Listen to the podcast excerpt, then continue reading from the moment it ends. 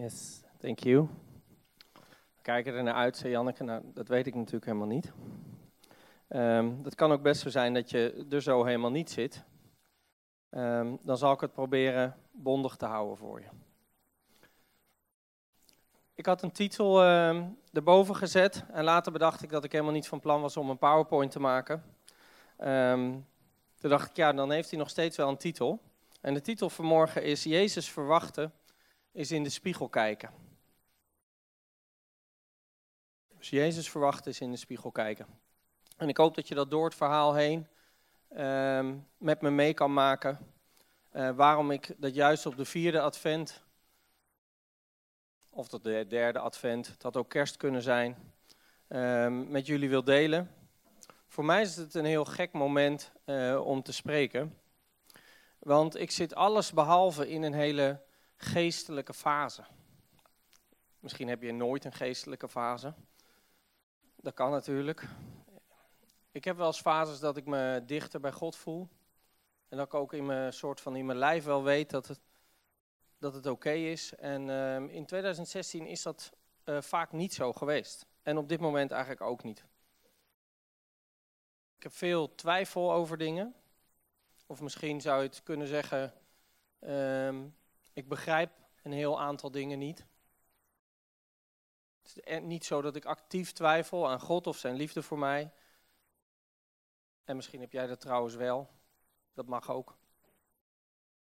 Het is meer een soort verontrustende frustratie over onrecht, over leed in onze wereld, wat ik dichtbij en ook ver weg zie. En uh, dat roept me, ja, dat roept allerlei vragen bij me op. Niet constant, maar het is een soort achtergrondruis. Waardoor je lijf onrustig wordt of uh, je hoofd. En dat zijn dingen als waarom, weet je. Het is altijd weer die gekke waarom-vraag. Kleuters hebben hem als een jaar of uh, twee, drie, vier zijn. Ik weet het niet precies. Ik weet nog wel dat die meiden dat hadden. Waarom dan?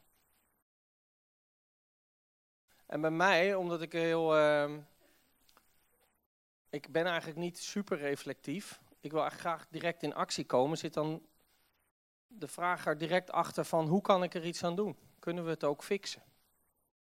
En omdat het gaat over dingen die me uh, machteloos maken, uh, ja, werkt dat natuurlijk niet. Het zijn een beetje de powers that be, zoals de Engelsen dat zo mooi kunnen zeggen. Grote dingen ook om je heen, die soms heel ver weg lijken. Als ik naar de oorlogen kijk die rondrazen in het Midden-Oosten, maar ook in Afrika, in nog andere delen van de wereld. En ik zie het enorme verwoestende karakter daarvan en je hoort dat er 65 miljoen mensen op dit moment hun huis hebben verlaten. Dan denk ik, ja, waarom dan? Weet je, hoe, hoe kunnen we dit nog fixen? Vrienden van mij die vorige maand met heel hun hart en ziel voor Trump kozen als president in de Verenigde Staten als, het als de oplossing. En ik weet hoeveel ze van Jezus houden en ik begrijp het niet. En ik wil er ook niet makkelijk over doen. 46 miljoen mensen die in slavernij werken. Vaak voor de producten die ik draag, waarschijnlijk voor deze blouse. Uh, en we weten het niet eens. Het is soms ook moeilijk om te weten. En onze grote westerse bedrijven waar we zo trots op zijn, of soms helemaal niet trots, maar dat hoort ook niet, die uh, verdienen er goed aan en het is jouw en mijn welvaart, ons salaris, wat daardoor wordt betaald. En dat is ook weer fijn. Maar die welvaart wordt duur betaald. En het is jouw en mijn regering die ervoor kiest om niet gastvrij te zijn naar zoveel mensen die huis en haard verloren hebben en die uiteindelijk in een bootje de Middellandse Zee oversteken. Terwijl ze niet eens allemaal de overkant halen. En dan durven we te zeggen dat het gaat om gelukzoekers. Ach, er zitten vast één of twee bij. Maar daar doen we het toch geen recht mee. En die dingen verwarmen En waar ik ze soms van heel dichtbij heb mogen zien, de luxe heb gehad om in Afrika te zijn, in uh, een van onze employment creation ateliers in, uh, in India, de meiden daar te zien, met mensen te praten, het verdriet te zien, ook de kansen, de onmacht, de cirkels van armoede die ronddraaien, daar, maar ook hier in de stad om ons heen. Dan trekt het ook diepe groeven in me.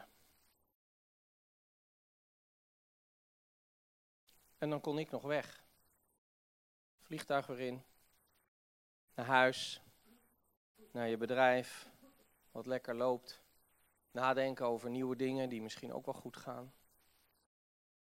Maar de ondertoon van 2016 en ook al wel van daarvoor, maar is dus een soort onvrede, een ruis, die de eh, momenten kent dat ik er razend over ben.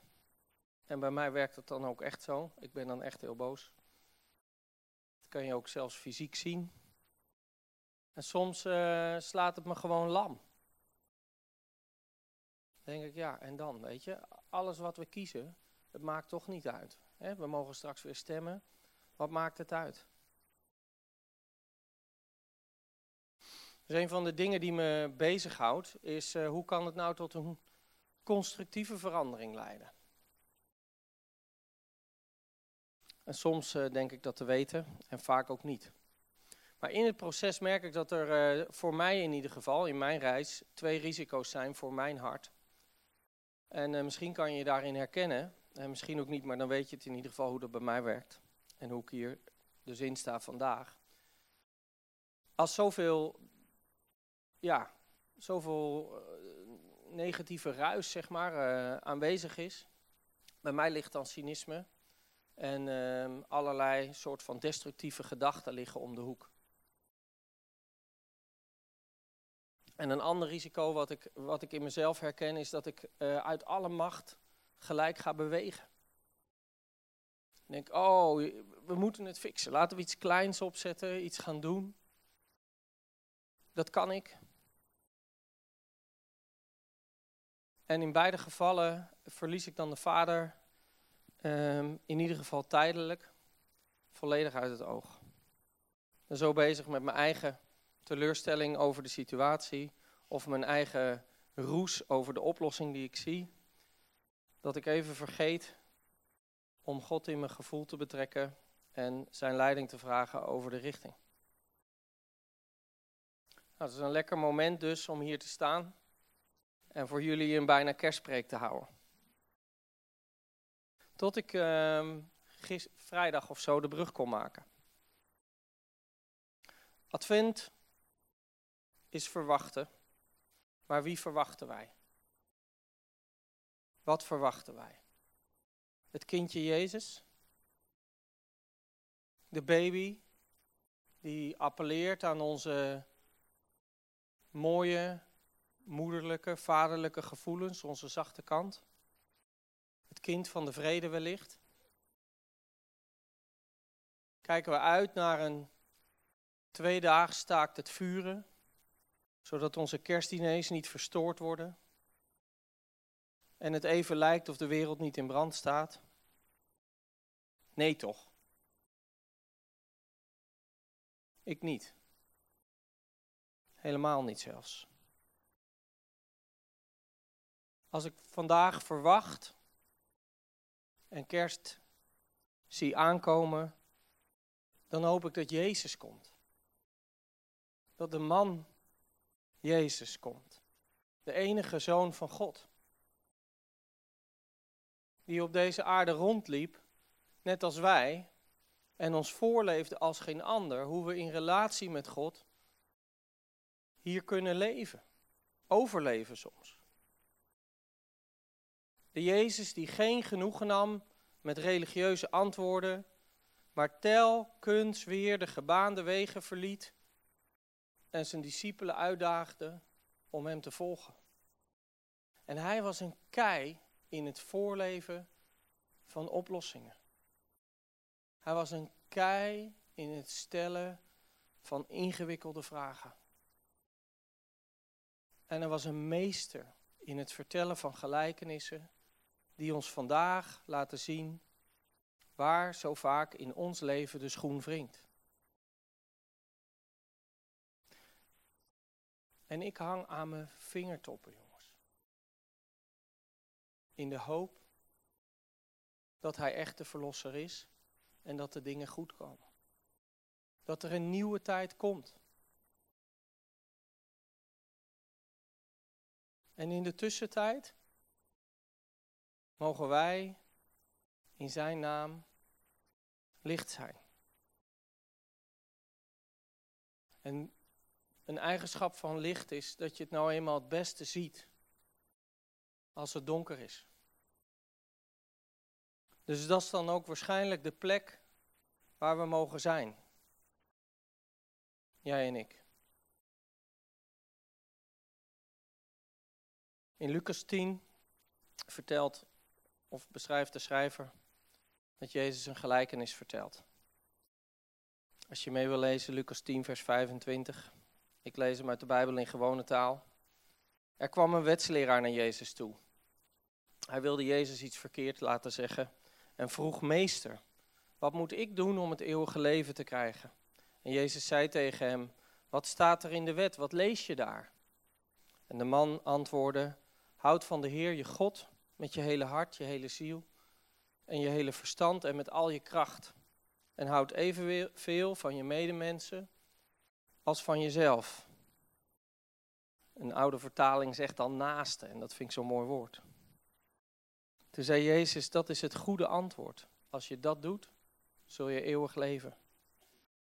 En de wetsleraar wilde laten zien dat hij de wet beter kende dan Jezus. Daarom vroeg hij, wie is mijn medemens dan?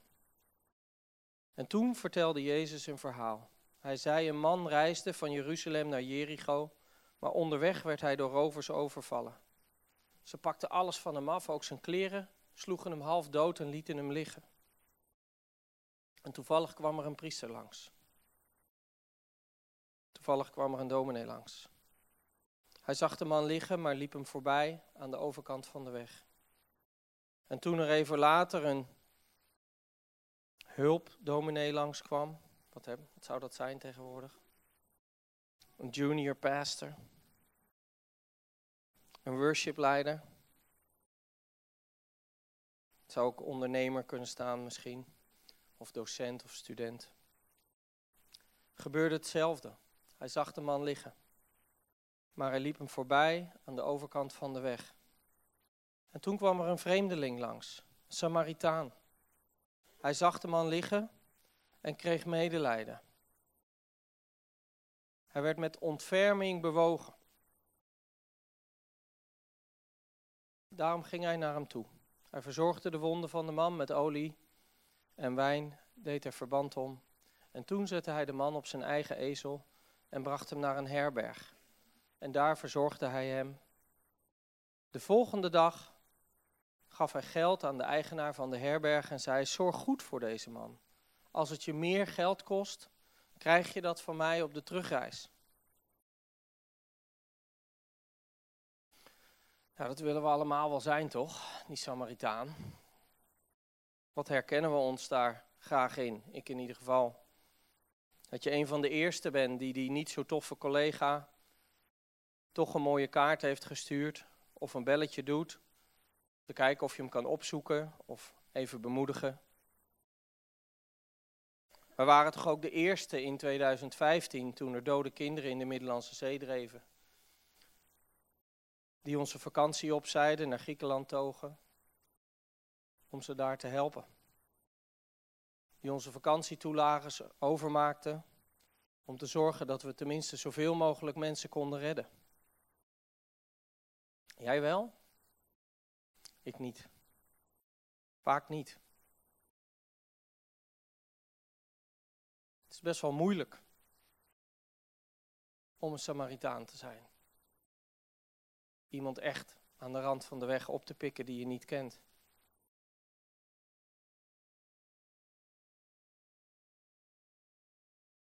Wat gebeurt er dan als je dat niet lukt? Dan houdt de vader toch nog evenveel van ons. dan ben ik toch nog steeds zijn geliefde kind. Jazeker. Als het niet lukt, is er God zij dank genade. Is altijd genade. Als ik naar het kerstverhaal kijk, als ik naar Jezus kijk en het leven wat hij met zijn discipelen leefde, dan is dat niet genade om te stoppen. Maar is het genade om de brokken op te ruimen, om weer op te staan, je rug te rechten, het stof van je kleren af te slaan, een pleister over je wonden te plakken en om verder te gaan. Als Jezus zijn volgelingen één ding leerde en mij aan het leren is, is het dat het verre van relaxed is om Hem te volgen waar Hij gaat. Dat het heel normaal is dat de wereld je niet begrijpt. En dat hoeft ook niet.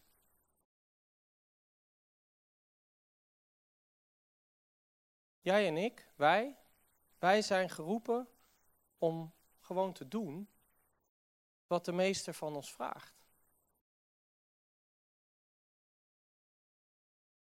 En hij zelf komt ons tegemoet.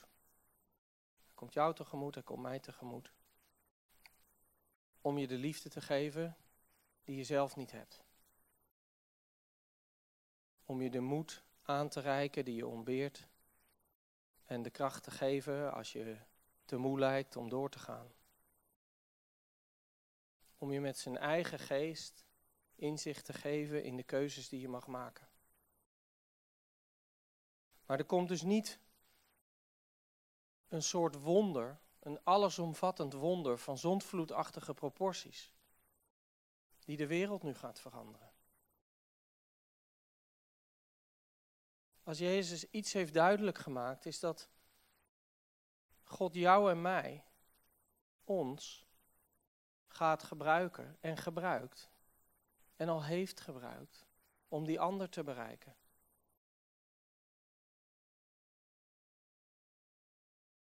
Jezus verwachten is dus in de spiegel kijken.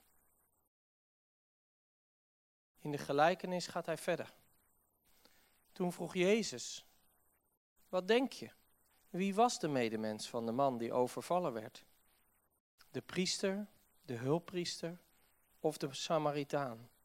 En de wetsleraar antwoordde, de Samaritaan, want die was goed voor de gewonde man. Toen zei Jezus, doe dan voortaan net zoals de Samaritaan. Doe jij dan, Mark, doe jij dan voortaan net zoals de Samaritaan. En in Matthäus 25, vers 40 staat: En de koning zal hun antwoorden. Want ik verzeker jullie, alles wat jullie gedaan hebben, voor een van de onaanzienlijkste van mijn broers of zussen, dat hebben jullie voor mij gedaan.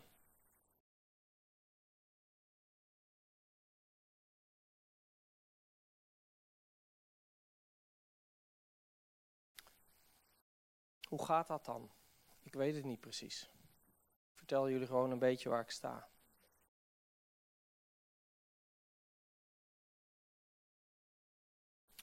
Martin Luther King had een prachtige uitspraak die ik tegenkwam in mijn zoektocht hier rondom. En ik heb hem even vrij vertaald naar vandaag. Ik hoef heel weinig, uh, hoefde heel weinig concessies te doen. Terwijl die toch al even geleden is opgeschreven. Dat is niet zo goed nieuws eigenlijk. Maar hij zegt, of hij zei, er is niks mis met een wet die zegt dat je moet stoppen voor een rood stoplicht. Want als er een grote brand woedt, maar als er een grote brand woedt, dan rijdt de brandweerauto er dwars doorheen. En als gewoon verkeer kan je dan maar beter maken dat je aan de kant komt. Right? Als er iemand levensgevaarlijk gewond is, racen de ambulances met sirenes op hoge snelheid door de stad en stoppen niet voor enig rood stoplicht. En zo is het in de wereld nu. Er woedt een vuur voor de armen, de eenzamen, de thuislozen. Zij leven vandaag in verschrikkelijke omstandigheden. Ontheemde mensen zwerven over de hele wereld en ze bloeden dood aan diepe sociale en economische armoede. En zij hebben het nodig dat er brigades met ambulancechauffeurs zijn die alle rode stoplichten negeren in deze maatschappij. Tot die crisis is opgelost. We kunnen ons niet permitteren om op groen licht te wachten.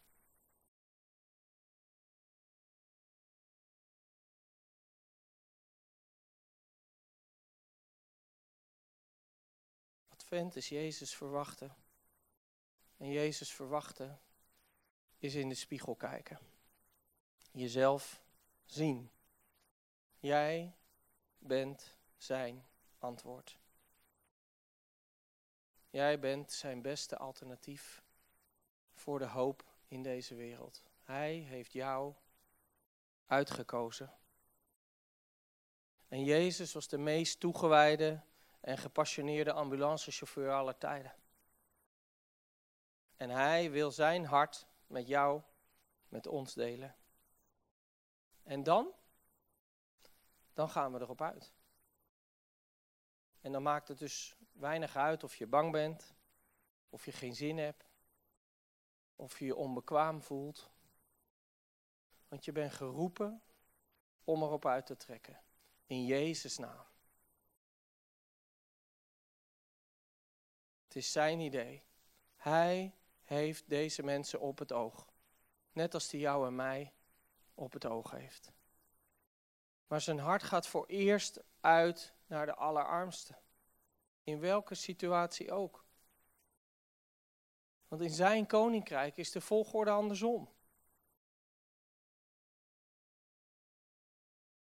En dus bidden we elke week op de stadhuisbrug. Spreken we recht op ons werk als er geroddeld wordt over collega's? Geven we een stuk van ons geld als ons hart dat vraagt? En sponsoren we kinderen in de allerarmste landen? En gaan we zo meteen de wijk in met een prachtig kerstpakket? En dat is prachtig omdat het Gods idee is. Het zijn de handen van Jezus die uitreiken naar zijn kinderen. Vol liefde, vol bewogenheid, zonder enige veroordeling. Hij wil dolgraag bij al deze mensen zijn. En jullie mogen die handen zijn. Dat pakket is onderdeel van zijn oplossing, van zijn liefde voor de wereld. Amen.